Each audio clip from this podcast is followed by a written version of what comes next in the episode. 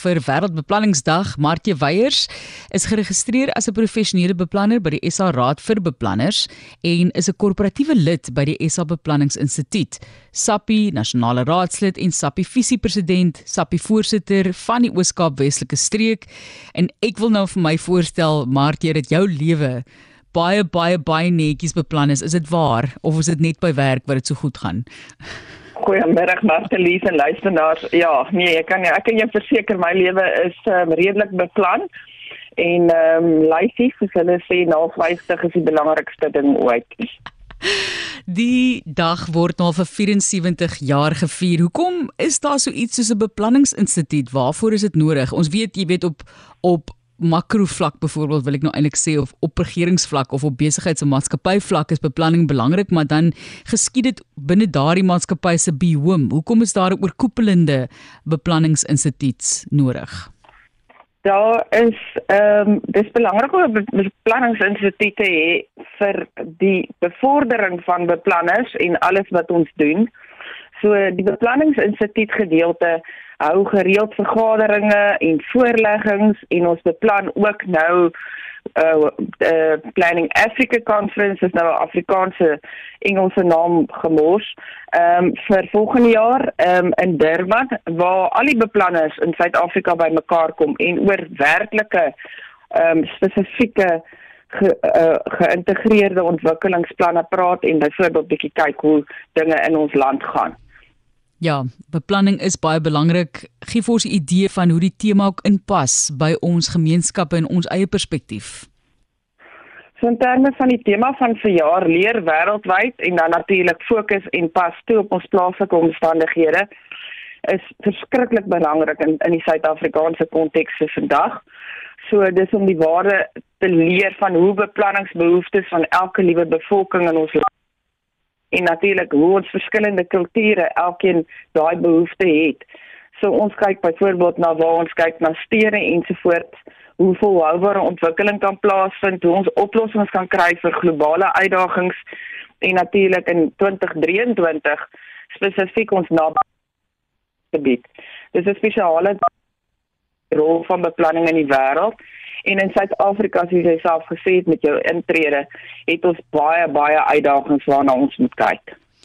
Kom ons kyk na daai uitdagings en hoe beplanning kan help. Jy vir ons asseblief raad. Um, ek sê altyd maar mense het regtig praktiese raad nodig om dinge aan te spreek. Waarom is die werk wat beplanners doen belangrik in Suid-Afrika en wat kan ons doen om van die probleme aan te spreek in Suid-Afrika met beplanning?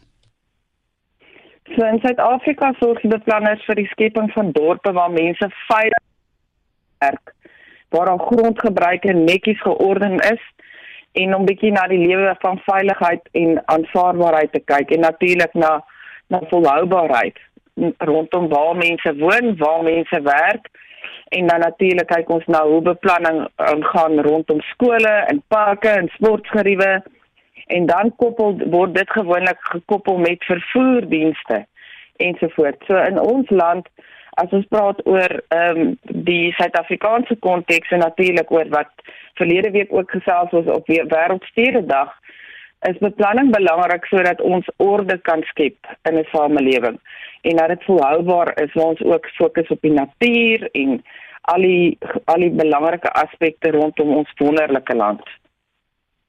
Kom ons kyk gefvinnig net na ons as gewone burgers. Jy weet jy het, jy's by die werk, jy het jou beplanning, jy het jou kalender waar volgens jy werk.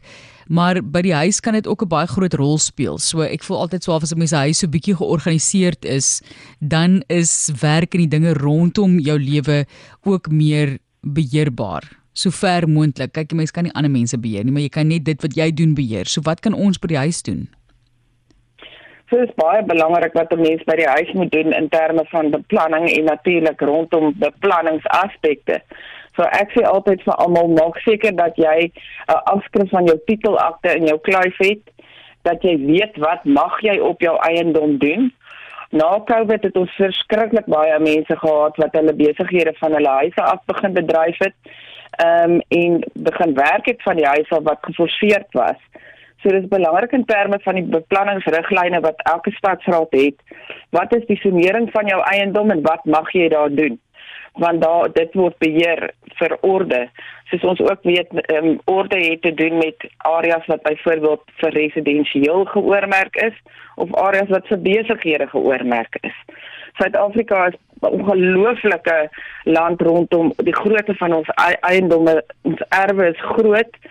So ons bly ook nie bo op mekaar in sekere areas nie. Ehm um, en dit dan moet daar orde geskep word sodat dit seker is dat almal tevrede is in die area waarin hulle bly.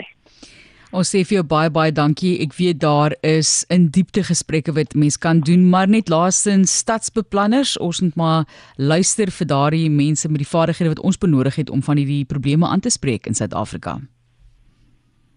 Nee, verseker, ek sê altyd beplanners is dikwels die onbesonge helde van die ontwerpspan.